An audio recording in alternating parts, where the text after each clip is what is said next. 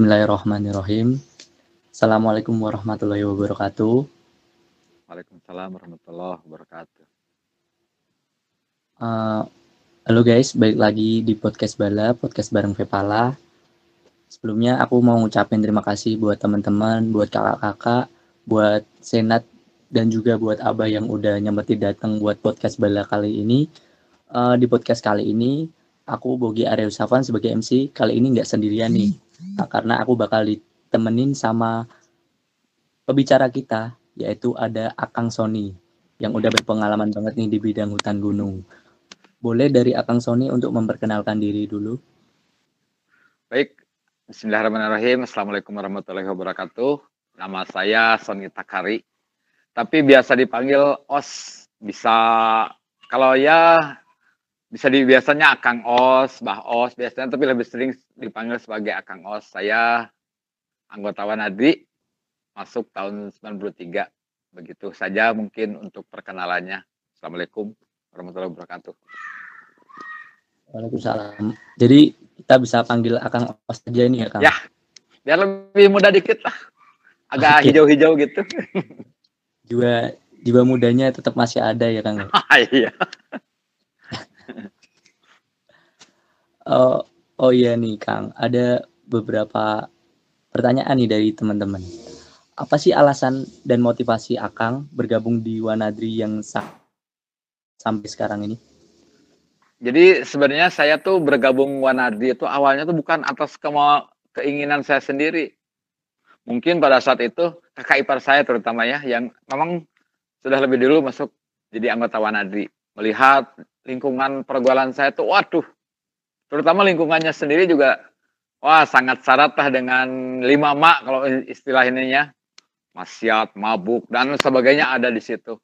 Dan saya itu termasuk orang yang mudah terbawa sama situasi situasi lingkungan seperti itu. Sehingga tahun 92 saya masih ingat. Os, nah gitu ya. Kamu tahun depan ikut pendidikan dasar. Jadi bukan atas keinginan saya. Dan saya juga tidak punya latar belakang seperti cinta alam atau sering naik gunung. Bukan ini, uh, bukan jadi latar belakangnya memang kalau masuk begitu masuk Wanada itu nol aja.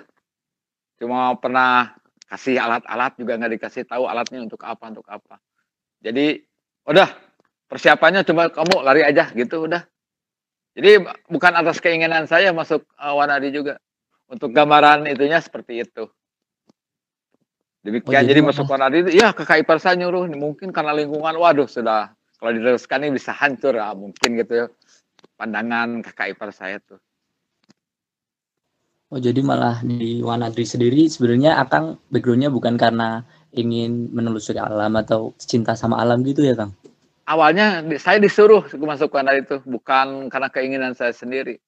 Itu saja. Nah setelah di Wanadri karena mungkin tuntutan program sendiri ya karena ada setelah pendidikan dasar itu ada program-programnya dan kemudian di Wanadri sendiri ada empat kegiatan pokok yang meliputi apa penelitian, penjelajahan kemanusiaan dan pengabdian masyarakat. Artinya ke, keempat ter, hal tersebut, empat pokok tersebut memang ada nilai. Kalau dulu zaman saya masih program itu menggunakan SKS.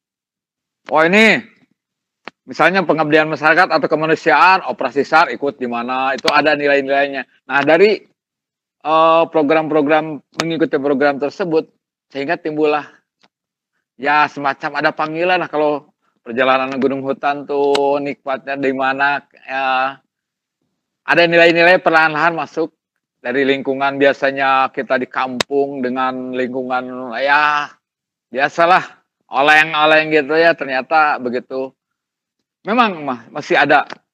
Jadi partisinya memang masih ada apa keluar masuk.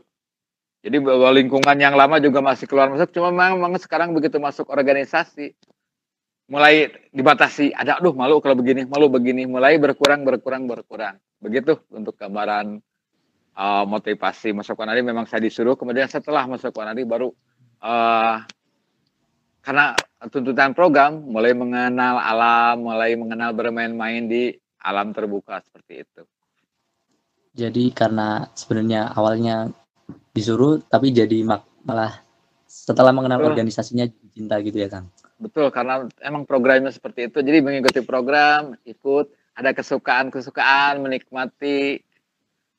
Itulah akhirnya sampai sekarang masih senang lah menggeluti berkegiatan di alam terbuka. Awalnya juga seperti itu. Wah, no, saya latar belakangnya tidak punya pengalaman camping, camping juga camping biasalah. Camping eh, pergi misalnya ke botol, udah. Jadi menganggap bahwa kondisi di lingkungan sekitar itu sama dengan kondisi di gunung. Wah, di saat datang di sana tuh pastilah tersiksa kedinginan. Beruntung itu ya masih hidup tuh beruntung lah. Mungkin karena ada memang latar belakangnya terbiasa lah hidup susah gitu ya. Jadi nggak nggak begitu shock begitu main-main begitu nggak enak tuh nggak langsung kapok gitu. Oh, oke oke menarik banget nih pengalaman Akang di Wonon di Wanadri. Uh, terus apa sih yang membuat Akang tertarik melakukan kegiatan di alam terbuka serta tujuan Akang melakukan seputar hal itu tuh apa sih Kang? Memang tadi awalnya ada dari program-program kemudian melihat ke apa? Ada tuntutan untuk dari organisasi juga untuk membawa para pendaki itu, itu melakukan pendakian dengan aman dan nyaman dan karena memang ada 10 keterampilan dasar yang dibekali, kemudian ada dari itu de, salah satunya tadi dari empat kegiatan pokok warna itu pengabdian masyarakat itu ada.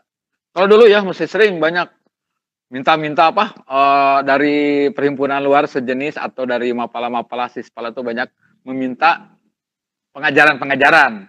Nah, dari situlah mulai terasa keterampilan-keterampilan ingin memberikan yang paling mudah untuk diserap gitu sama orang uh, perhimpunan-perhimpunan atau organisasi-organisasi yang meminta pengajaran. Kami meremukannya, kemudian mencobanya dengan beberapa teknik supaya memang pengetahuan-pengetahuan untuk bermain di alam terbuka itu mudah diserap oleh para penggiatnya seperti itu. Oh, oke oke. Terus untuk jadi tadi buat kan inilah keselamatan, kenyamanan, uh, tuntutan kan, seperti itu ya. Tadi Akang nyebutin bahwa ada program pengabdian gitu. Untuk program pengabdiannya gitu tuh di suatu desa di Jawa Barat atau di mana gitu, Kang? Jadi, Jadi di uh, dalam pengabdian masyarakat ini termasuk pengajaran-pengajaran, termasuk ya dulu pernah pada saat selesai pendidikan dasar ada semacam pengobatan gratis dan sunatan massal di daerah tempat titik awal latihan di desa. Nah itu bentuk pengabdian yang paling kecilnya, tapi pengabdian secara umumnya termasuk pengajaran-pengajaran pemberian materi-materi uh, ke untuk teknik hidup di alam terbuka itu termasuk ke dalam uh, pengabdian masyarakat, penanaman-penanaman mungkin ke, sekarang ke lingkungan hidupnya ya. Begitu untuk gambaran-gambaran. Kalau dulu Mas tergambar pengabdian masyarakat itu, itu memberikan semacam ada permintaan pengajaran atau kita juga mengadakan semacam kursus atau sekolah pendaki gunung apa pun itu bagian dari program-program untuk uh, pengabdian masyarakat. Wah, pastinya kegiatan yang dilakuin Kang Os sama kelompoknya ini pasti bermanfaat sekali nih bagi masyarakat sekitar ya Kang.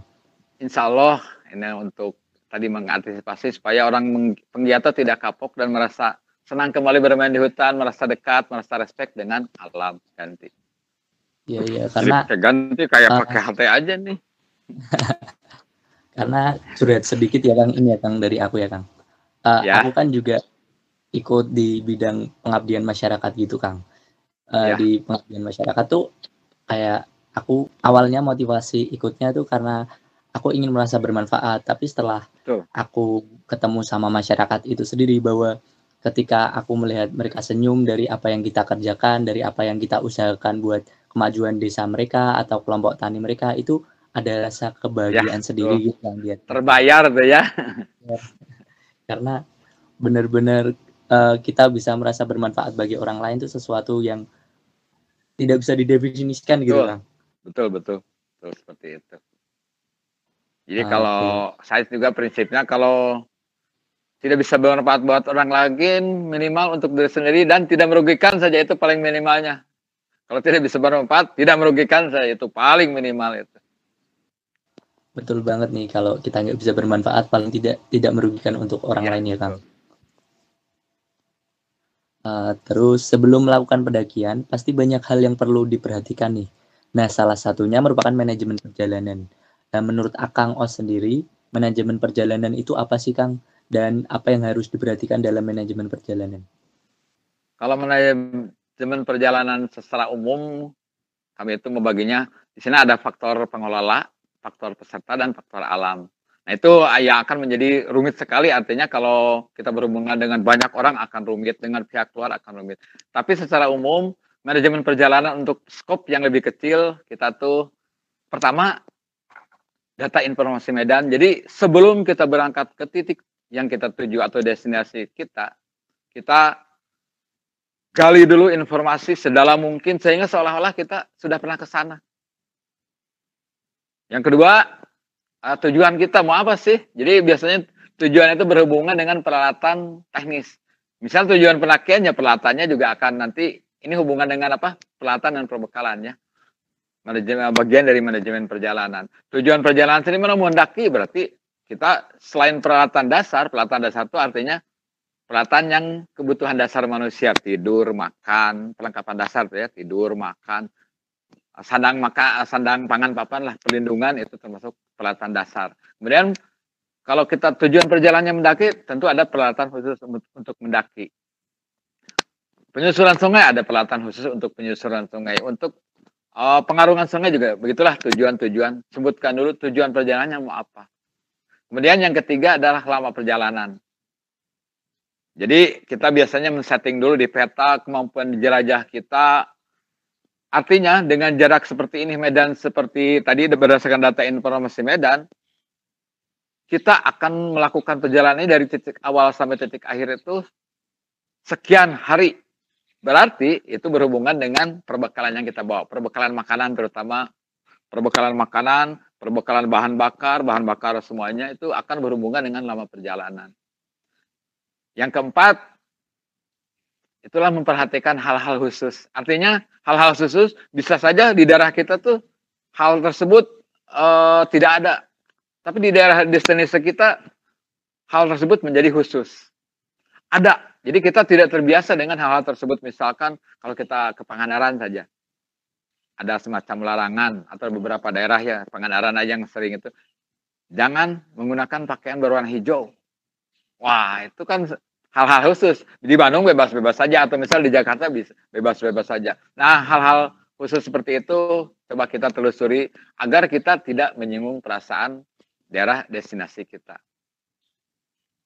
Itu keempat, yang kelima eh, kemampuan kita dalam membawa beban. Jadi dengan lama perjalanan seperti ini, wah ini berhubungan dengan kemampuan kita. Rata-rata manusia untuk itu biar normal membawa beban itu satu per tiga dari berat badan. Itu normal ya. Jadi biar orang biasa tanpa latihan bisa membawa misalnya 6 berang dengan berat badan 60 kg, ya idealnya membawanya 20 kg. Tapi kalau kita berlatih untuk hal tersebut, kadang-kadang kita memang bisa membawanya lebih dari bahkan setengah dari berat badan. Itu Orang-orang yang memang seperti itu sudah dilatih, pikiran dan otot-ototnya sudah terbiasa dengan membawa beban seperti ini. Nah, artinya kalau kita dengan durasi perjalanan sekian hari, kita harus membawa beban sekian hari, berarti yang, yang harus dilatih adalah kemampuan kita membawa beban, atau kalau tidak masih di atas kemampuan kita, artinya ada sistem operasi yang harus dirubah. Misalnya titik titik tertentu perbekalan yang dibutuhkan di drop pakai heli pakai apa itu tergantung kemampuan kita juga ya. Kemampuan finansial kita sangat mempengaruhi. Atau kita membawanya menggunakan tenaga bantuan orang atau porter atau bisa saja seperti itu. Itu uh, uh, yang termasuk bagian dari manajemen perjalanan tadi secara umum. Ada pengelola peserta dan lingkungan. Yang kemudian turun lagi ke pembelian peralatan Pertama, gali dulu data informasi Medan. Kedua, apa tujuan tujuan kita datang ke sana? Berapa lama kita di sana? kemampuan kita sudah sesuai kemampuan membeban ya dengan durasi seperti itu tadi berhubungan dengan teknik atau kemampuan kita ditingkatkan. Yang kelima tadi memperhatikan hal-hal khusus. Bisa bisa saja di sini hal tidak biasa di sana jadi hal biasa. Jadi mungkin di Papua tidak biasa, di sini biasa. Di sini biasa, di sana tidak biasa. Seperti itu untuk manajemen perjalanan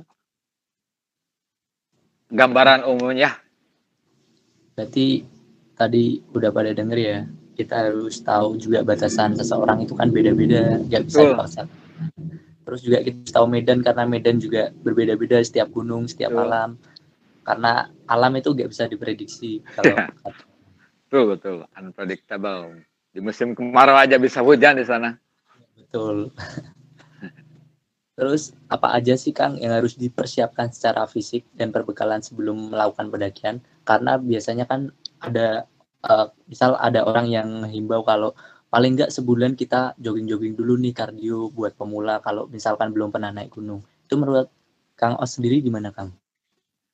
Memang sangat baik menjaga kebugaran artinya dengan berlari menggunakan otot-otot yang biasa kita mendaki. Tetapi memang agak berbeda ya. Berlari tanpa beban dengan berlari menggunakan beban artinya bawa ransel berbeda.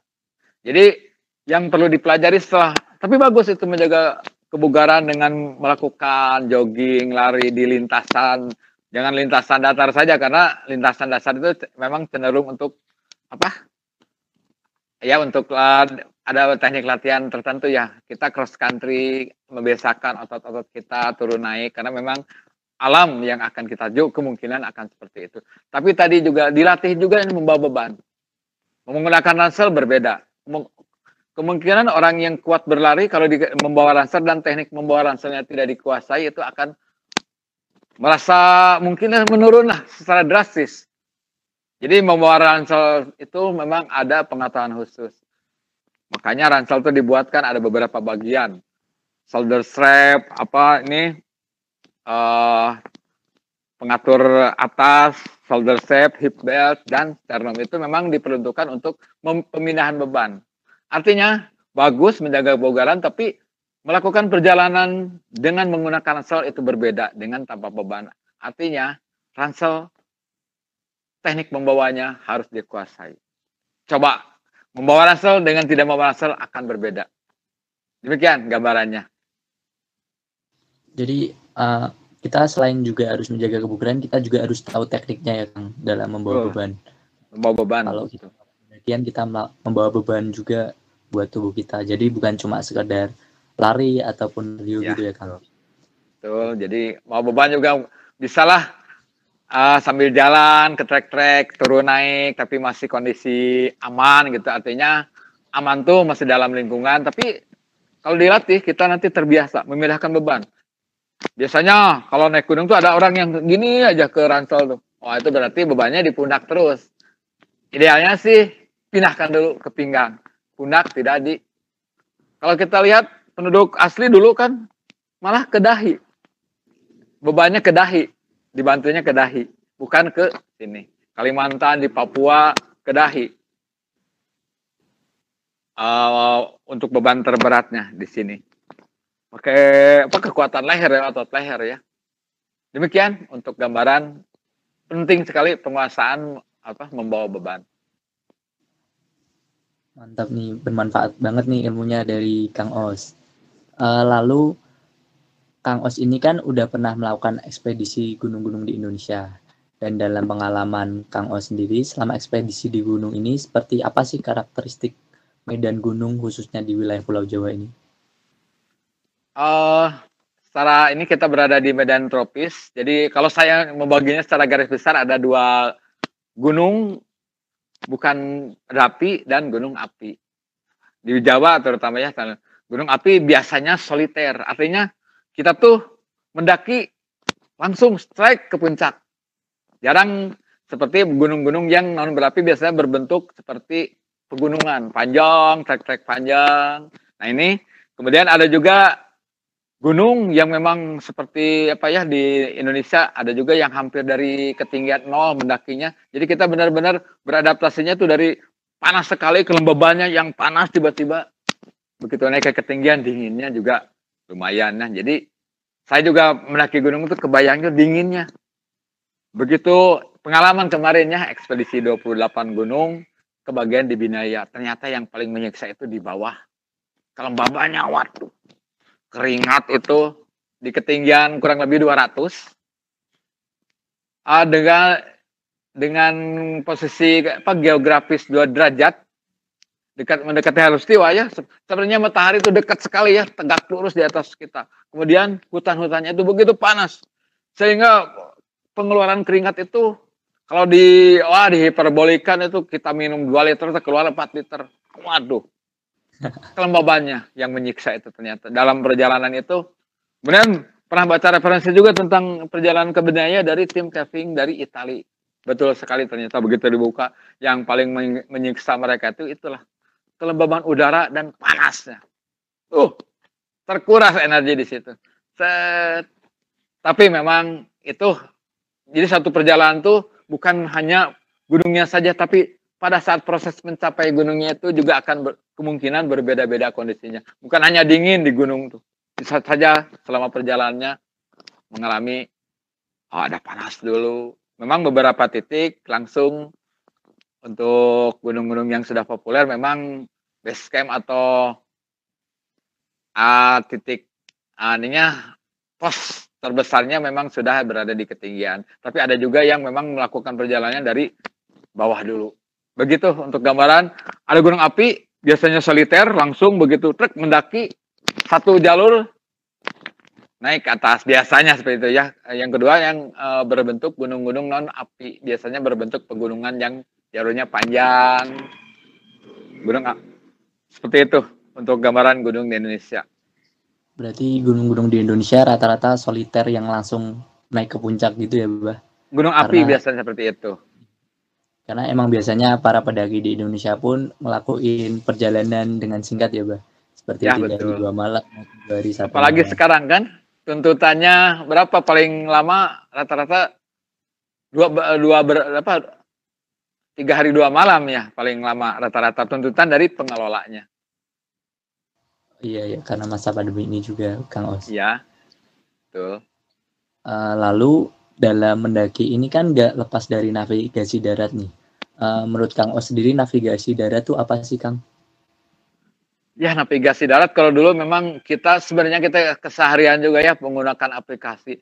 Hampir semua aplikasi di HP itu meminta posisi. Jadi sekarang tuh sebenarnya lebih mudah. Tinggal mungkin in manajemennya ke batu baterai aja. Kita bawa misalnya bawa aki kering lah untuk tetap kita bisa melakukan bernavigasi. Kita tahu posisi kita, tahu posisi tujuan kita ke mana. Biasanya itu. Kadang-kadang tentang navigasinya, manusia tuh saya sendiri nih saya merasa ini saya di Cigadung daerah Dago, daerah Dago Cigadungnya saya ini.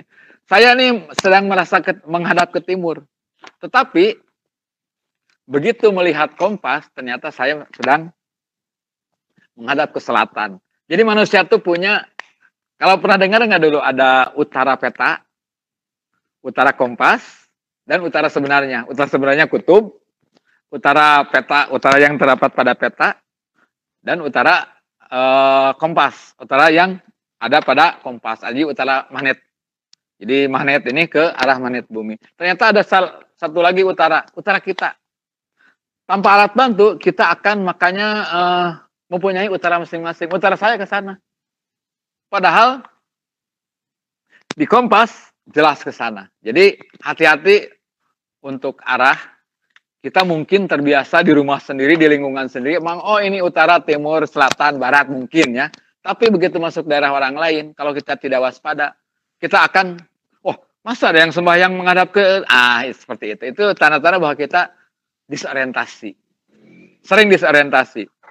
Kompas, peta, makanya hal-hal kecil seperti penunjuk arah kompas saya bukan pakai dua jam tangan. Karena saya punya tadi kelemahan manusia tadi, mungkin ya hanya beberapa manusia yang oh ini arahnya berbeda dengan arah yang ditunjukkan oleh kompas. Saya sendiri jangan ini bukan di hutan ini di kota ini. Disorientasi di sini di daerah. Padahal uh, jarak dari rumah saya tuh tidak begitu jauh ah cuma lima kiloan lah. Tapi saya di sini di daerah Tigadung berbeda utara yang ditunjukkan oleh kompas dengan utara pikiran saya. Hati-hati dengan arah. Artinya lengkapi dengan alat-alat navigasi. Kompas saya di tangan karena HP saya tidak ada kompasnya. Kompas ini. Kompas. Ada kompas-kompas kecil lagi di dalam ini.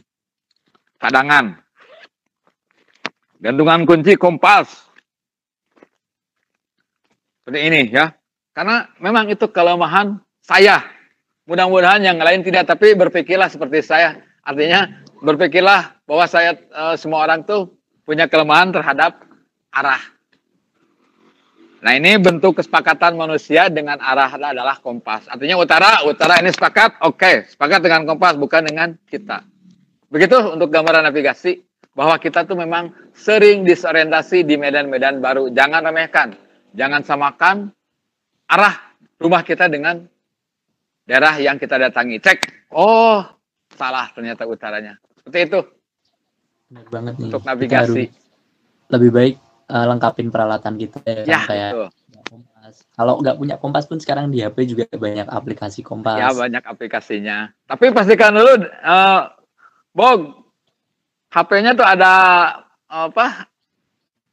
Ada sensor magnet. HP saya tidak ada. Ya, makanya oh. begitu ada peta banyak peta di sini. Pakai aplikasi yang bisa pakai peta big gitu ya, Avenza tapi tidak ada HP-nya, tidak ada kompas, jadi gini aja pakai kompas ini.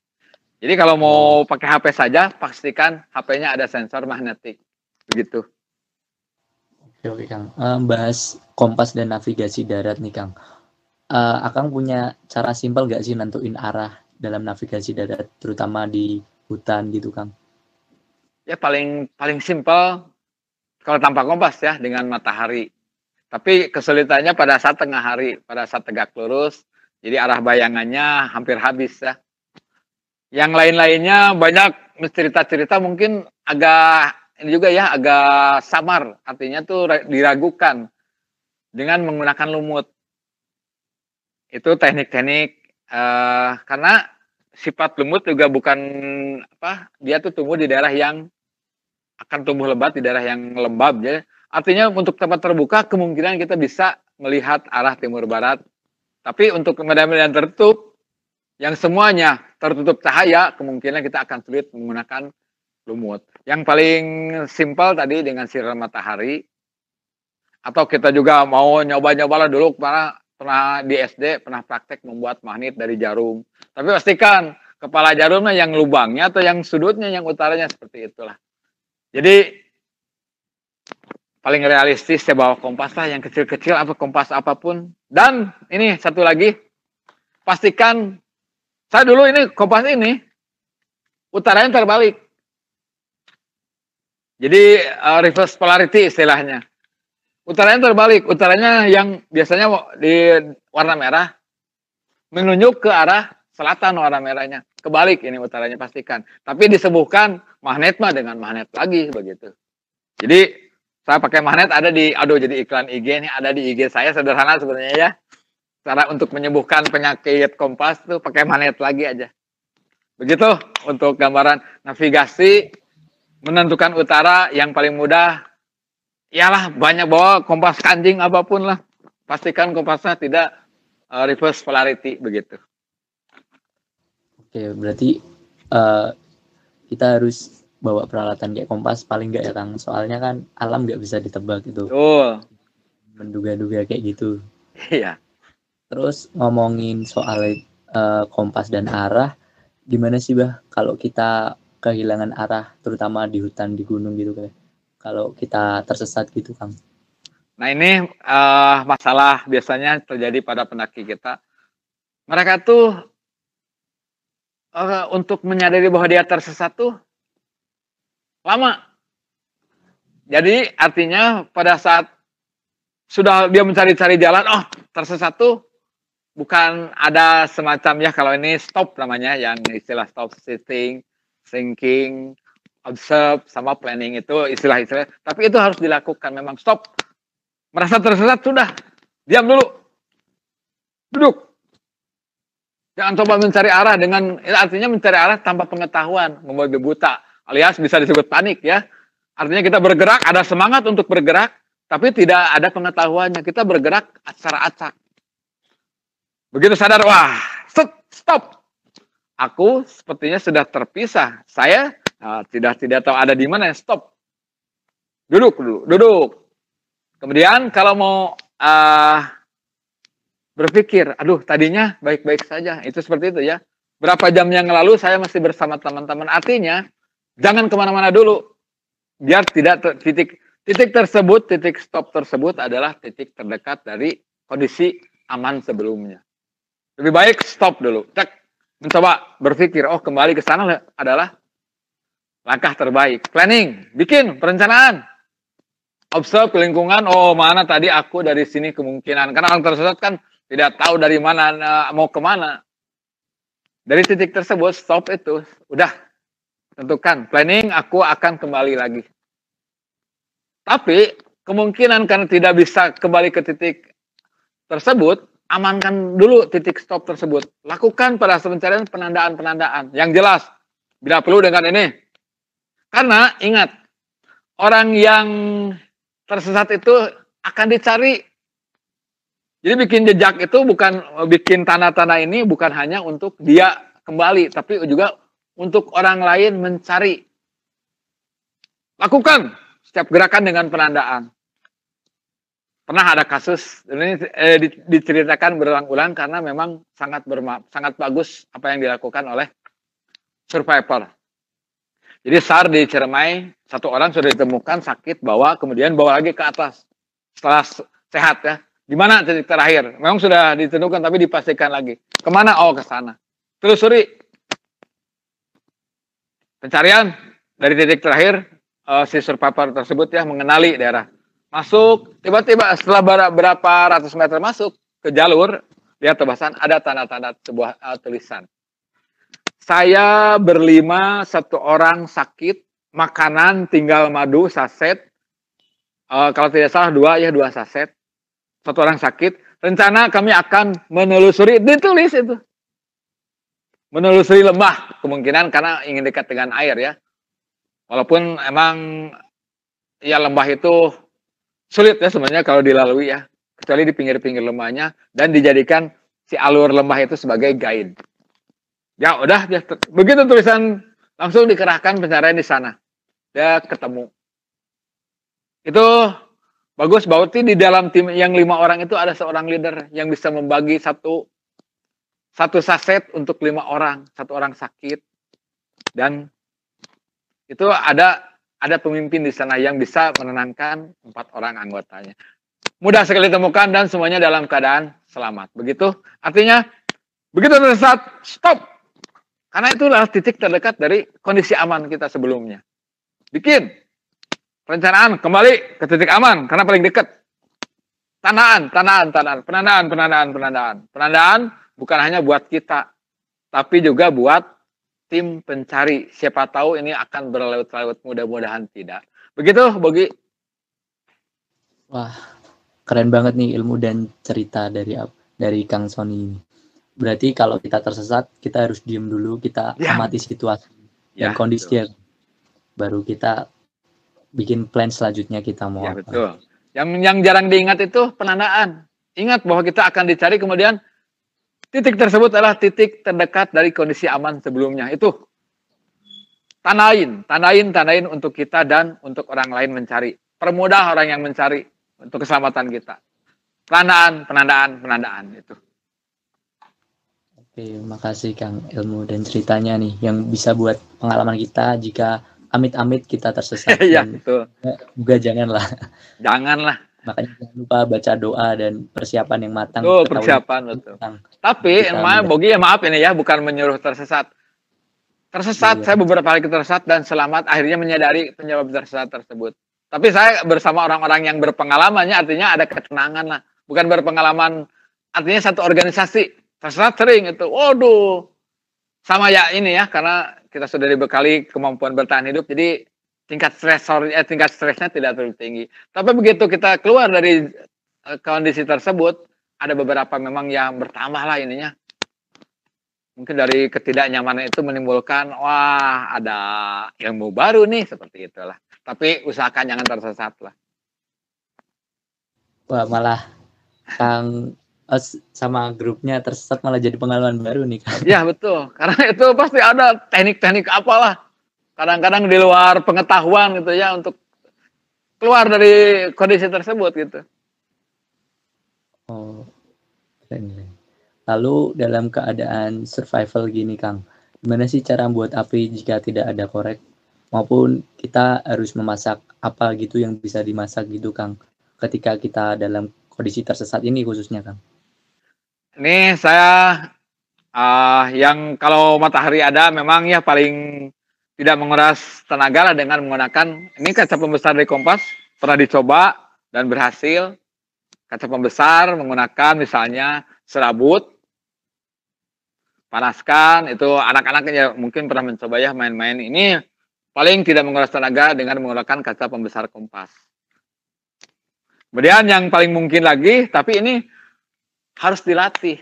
Karena latihan itu untuk menambah keyakinan percaya bahwa ini akan berhasil. Menggunakan teknik friksi. Kayu dengan kayu. Ini yang paling mungkin. Karena banyak sebenarnya teknik-teknik lain dengan batu artinya kita menyiapkannya dari rumah. Artinya kalau menyiapkan dari rumah, kenapa tidak menyiapkan eh, yang paling mudah saja gitu korek. Ini hanya untuk ah, berlatih. Dan ini selalu selalu dibawa bisa karena panas bisa dihasilkan melalui benturan dua benda keras seperti kalau tidak punya besi seperti ini bisa bisa pakai cutter kan. Ini sifatnya menyerupai baja ini. Cutter batu-batu keras seperti ini.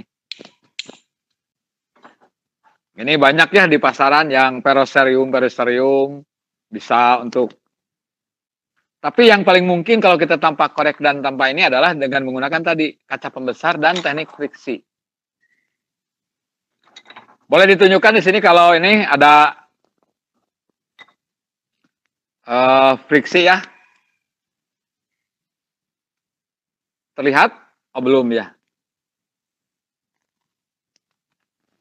Uh, udah terlihat Kang. Nah ini terlihat nggak ininya? Ya terlihat Kang. Nah, ginilah. Nah, ini kita coba ya menggunakan teknik friksi. Ini dengan kayu yang sudah disiapkan, tapi saya pernah mencoba menggunakan kayu-kayu yang langsung diambil dari pohon kayu kering. Seperti ini.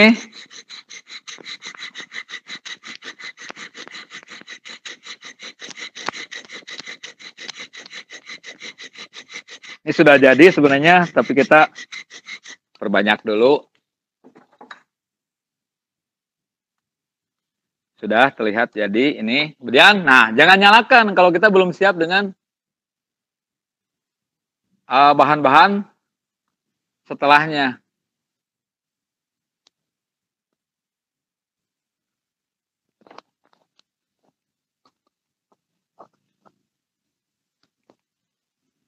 Ini kita tinggal bisa tambahkan beberapa lah. Ini arang-arang buat menambah lama usia ini ya.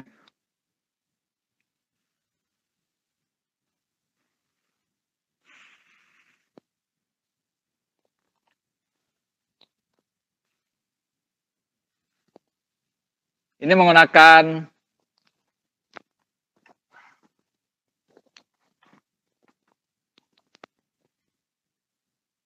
serabut dari tambang Dadung.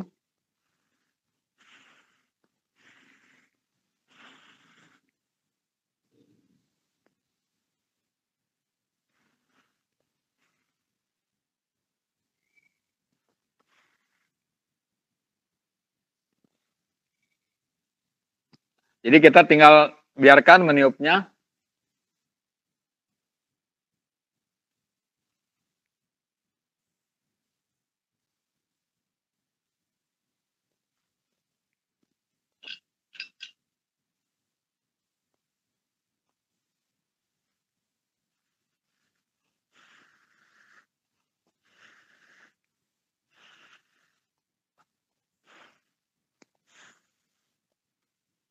Tapi karena ini kita sedang berada di dalam ruangan, Ogi kita skip aja dulu ya.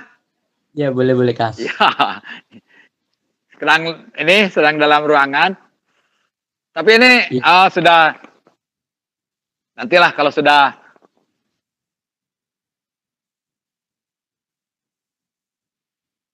Kalau apinya nyala besar malah bahaya. Ya. Kang. Tapi di ini eh kita anggap saja yang sedang duduk seperti ini. Ini tali-tali ini bisa menggunakan pakaian kita ya sebenarnya baju karena ini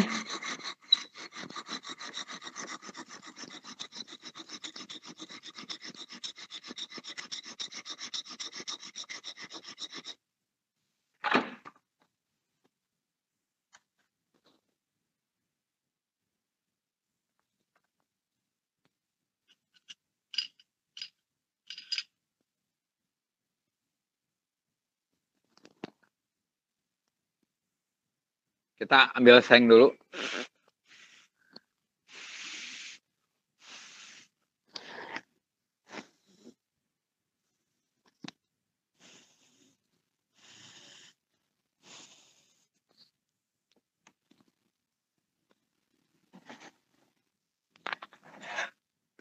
Ini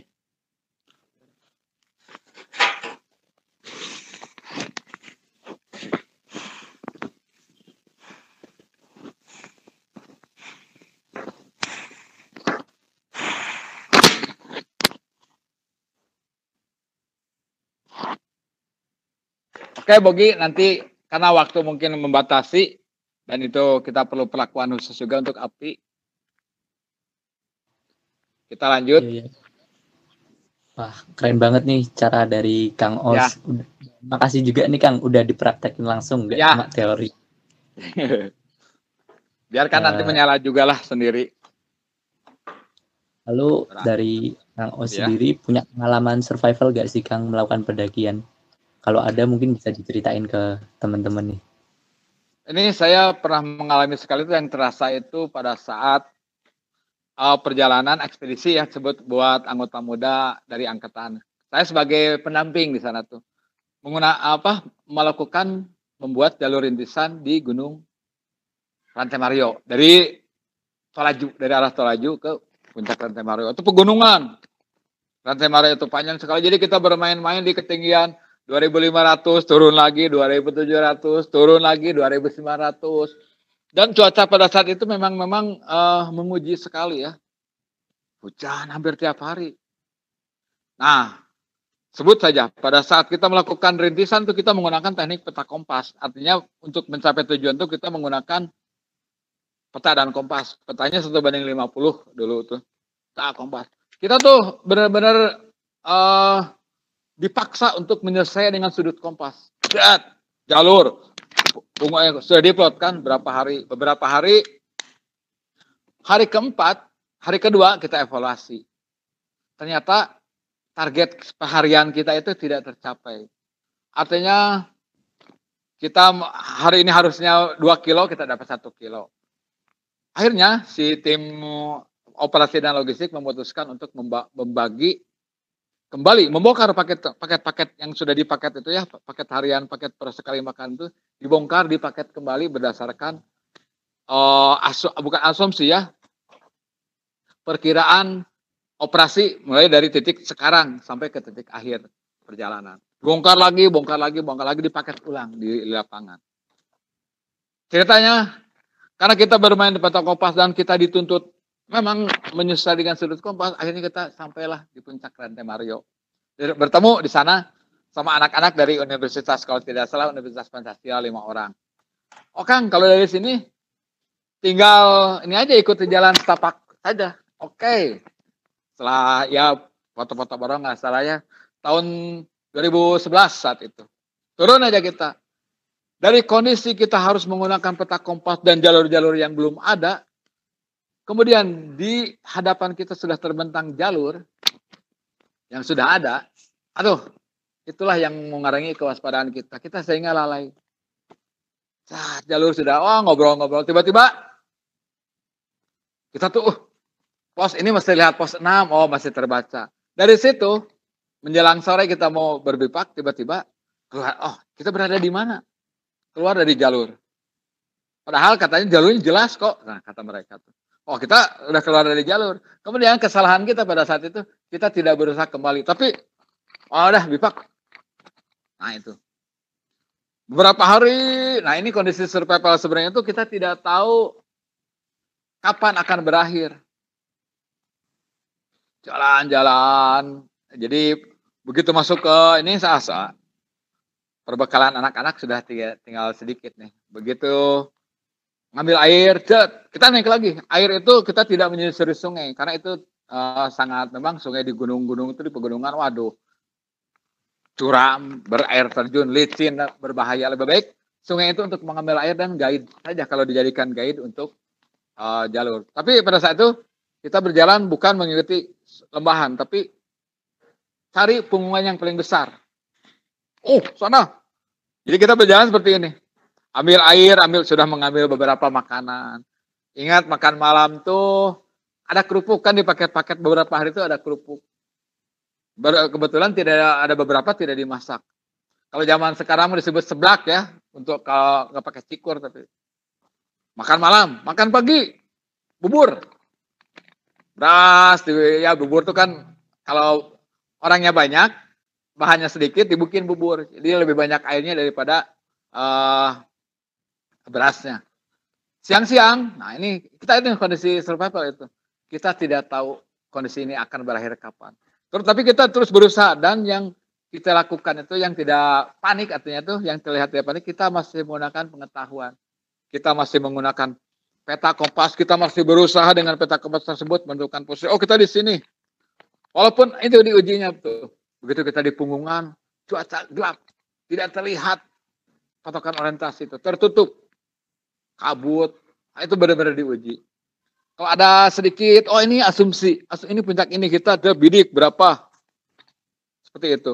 Kemudian kita berjalannya tadi, begini, sampai ke bunga terbesar. Satu saat, oh diberi ini, ada beberapa yang terlihat sepertinya nenek mori apa pungan-pungan bikin pot-pot kita berada di sini asumsi ya tetap ya jalan-jalan nah begitu jalan Set jalan, ada tanda-tanda nih, ada tanda jalur. Susur, dua orang turun ke bawah, pastikan. Oh, putus, tertutup. Oke, balik lagi, cari lagi. Nah, di setelah makan siang terakhir tuh, makan siang tuh masih ingat susu saset sama permen.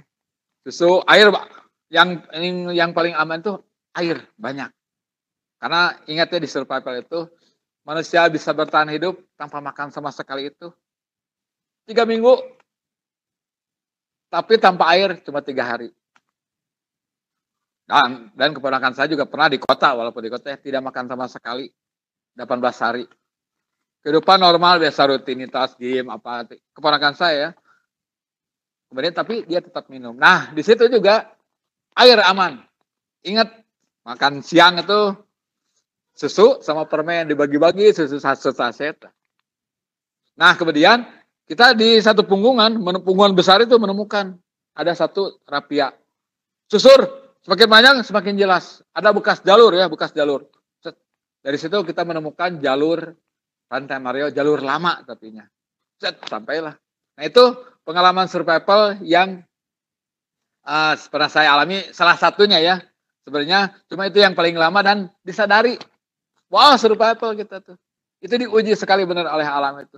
Kita Begitu misalnya di punggungan itu seharusnya kita dengan mudah mendapatkan patokan-patokan puncakan atau sungai atau apa pun. Sebenarnya kabut dan hujan. Benar-benar ambil air, amankan dulu air. Ya berat memang, tapi waduh kalau ada air tuh. Terus cari-cari-cari akhirnya sampai menemukan jalur yang sudah tidak digunakan lagi oleh para penaki di Rantai Mario.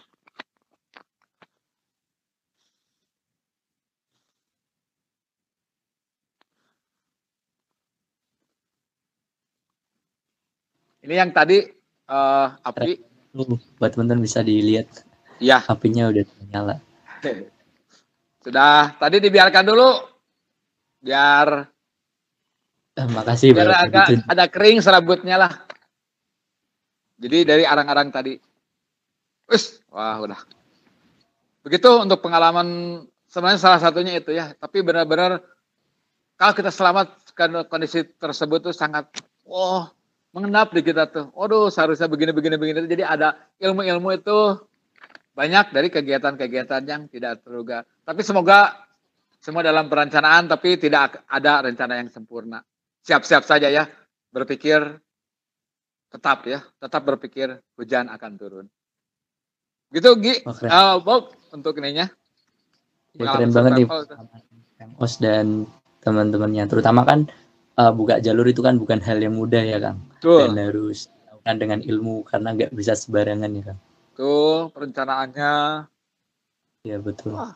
Jadi kita adakan simulasi dulu Bogi pada sebelum pembukaan jalur yang panjang dan jumlahnya 9 hari awalnya tuh pertama jadi 13 hari.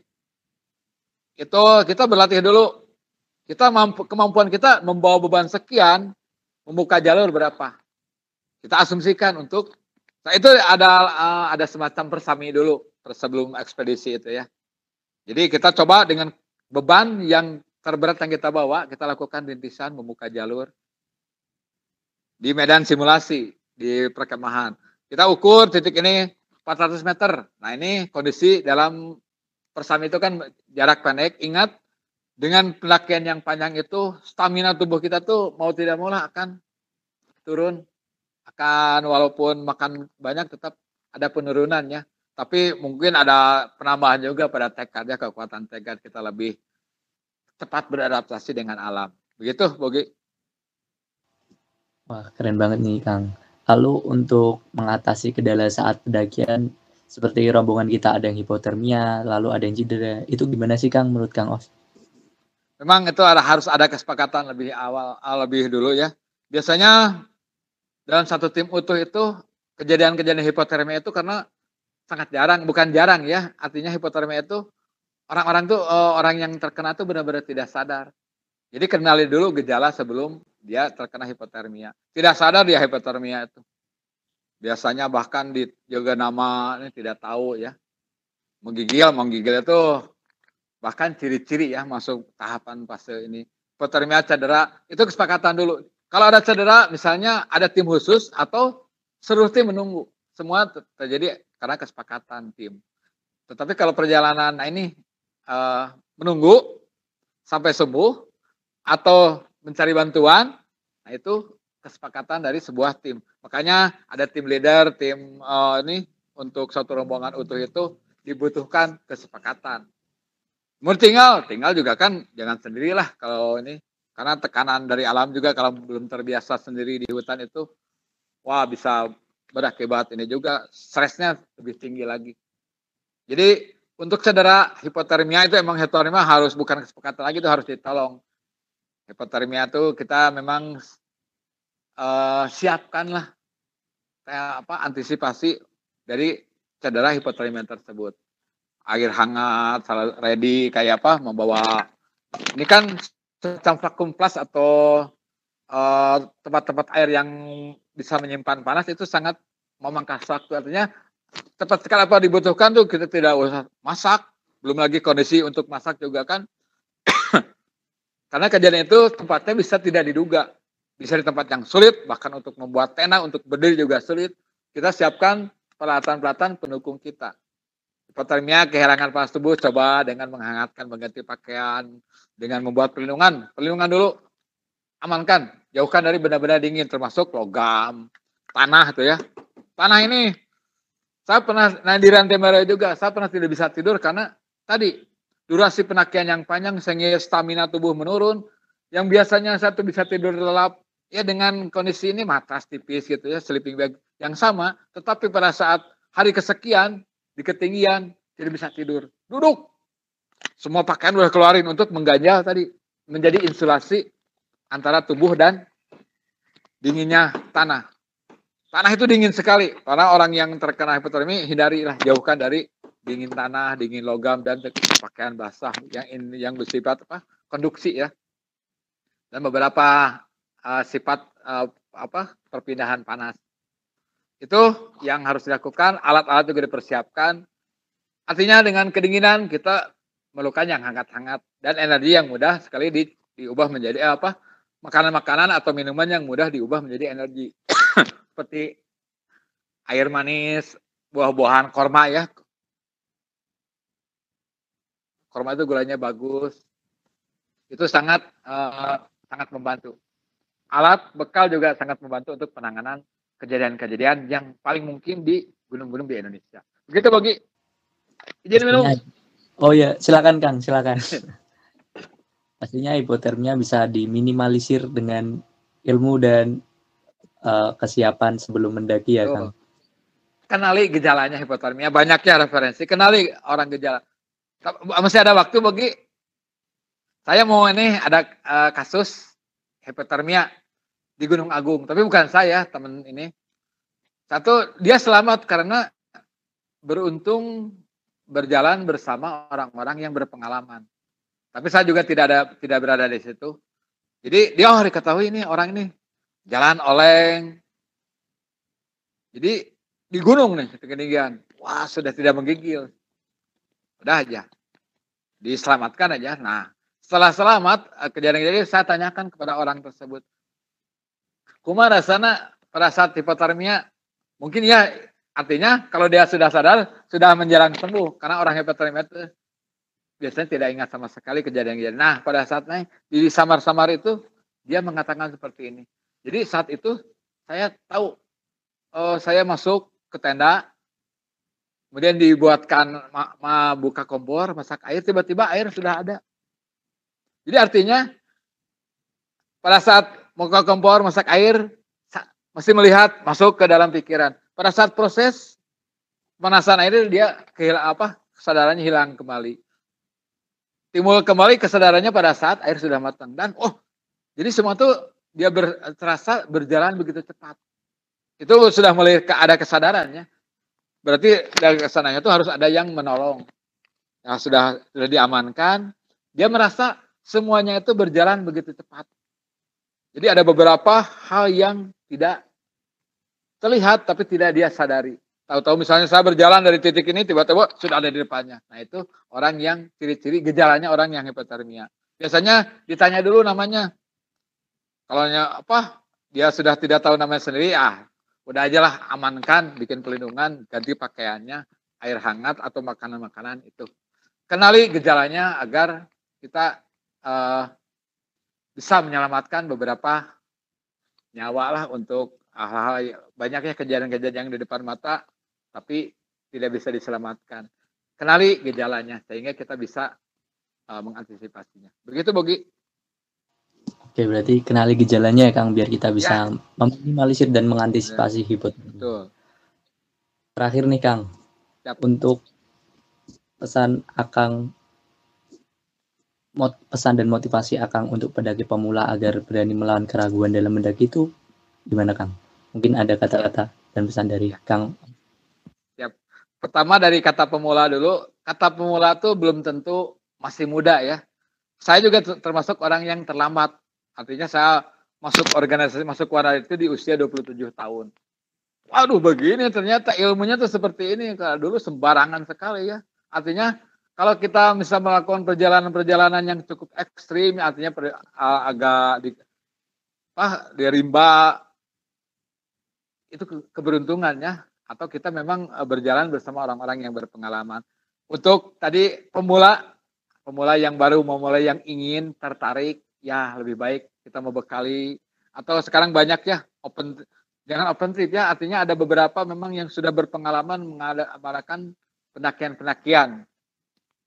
Bareng dulu atau kita uh, buat pasti orang tersebut lihat reputasinya terutama untuk open trip open trip. Uh, Usahakan yang kedua, kalau mau ikut perjalanan dengan orang-orang berpengalaman bisa dengan open trip yang reputasi baik atau kita melakukan perjalanan sendiri. Sementara kita juga gali ilmunya dulu, ilmu sederhana navigasi, membawa yang tadi termasuk adalah membawa peralatan. Membawa ransel itu berbeda sekali dengan jalan ini ya. Kemudian saya juga dulu seperti itu berpikirnya menyamakan kondisi di lingkungan rumah kita dengan kondisi daerah tujuan kita. Akhirnya, wah paling dingin segini. Ternyata berbeda ya, dingin di ketinggian itu. Angin, angin, dingin, basah itu adalah penyebab orang kehilangan panas tubuh paling berbahaya. Jadi tetap, tadi pertama kembali ke awal lagi ke manajemen perjalanan, data informasi medan. Kadang-kadang orang juga kan gini Bogi, kamu gosok gigi untuk mencegah sakit. Nah, tapi banyak masih banyak orang kan yang sakit gigi ya, anjur tapi tetap anjuran-anjuran akan terus kami lakukan untuk tetap melakukan penakian dengan pengetahuan, dengan semangat, pengetahuan dan perlengkapan. Artinya ada tiga unsur tersebut yang memang komposisinya harusnya seimbang sih ya semangat untuk melakukan penjelajahan, pengetahuannya juga ada, peralatan juga mendukung. Nanti lama-lama kalau dari ketiganya tersebut semangatnya sudah ada, pengetahuannya ada, peralatannya semakin berkurang. Artinya kemungkinan ini ya, tapi tetap kalau saya ah, lengkap sajalah. Jadi kemampuan bebannya aja dilatih juga. Pengetahuan, semangat, dan peralatan itulah komposisi yang harus dilengkapi. Komposisinya usahakan seimbang semangat saja tanpa tanpa pengetahuan wah akhirnya akan membawa buta. Seperti itu Bogi untuk ini tidak ada wah pemula itu bukan usia ya tapi kapan kita akan memulai hal-hal yang baru begitu. Jadi untuk para pemula pesan dari Kang Os ada tiga ya Kang. Ya. Mulai dengan pengetahuan, semangat dan peralatan ya Kang. Betul. Wah mantap banget nih. Tapi sayang kali nih Kang teman-teman dan senior-senior semua Gak kerasa kita udah di penghujung acara podcast kali ini nih. Uh, sebelum kita, uh, saya tutup, uh, kita mau jargon dulu nih. Saya mau ngajarin Akang boleh Kang? Boleh, siap. Kalau saya bilang salam lestari, Akang jawab lestari. Siap. Lalu kalau saya bilang Vepala, Akang jawab Jaya. Apa? Oke kan? Jaya. Apa? Vepala Jaya. Jaya, oh Jaya ya. Uh, untuk teman-teman dan senior-senior mungkin bisa on mic terlebih dahulu. Kita jargon bareng-bareng nih sebelum kita tutup acara podcast pada pagi hari ini. Gimana? Apakah udah pada siap? Oke, langsung aku mulai aja ya. Siap. Salam lestari. Lestari. Lestari. Lestari. Lestari. Pepala. Jaya. Jaya. Wah. Jaya. Jaya. Mantap banget nih. Makasih buat Akang, buat teman-teman, buat senior-senior. Makasih banget ya Kang udah berbagi ya. ilmu sama kita. Berbagi Halo, pengalaman. Semoga ya bermanfaat lah. Ya, insya Allah bermanfaat buat kita kita semua. Akhir kata, wabillahi taufik walhidayah. Wassalamualaikum warahmatullahi wabarakatuh. Dadah semua sampai di podcast episode berikutnya. Dadah.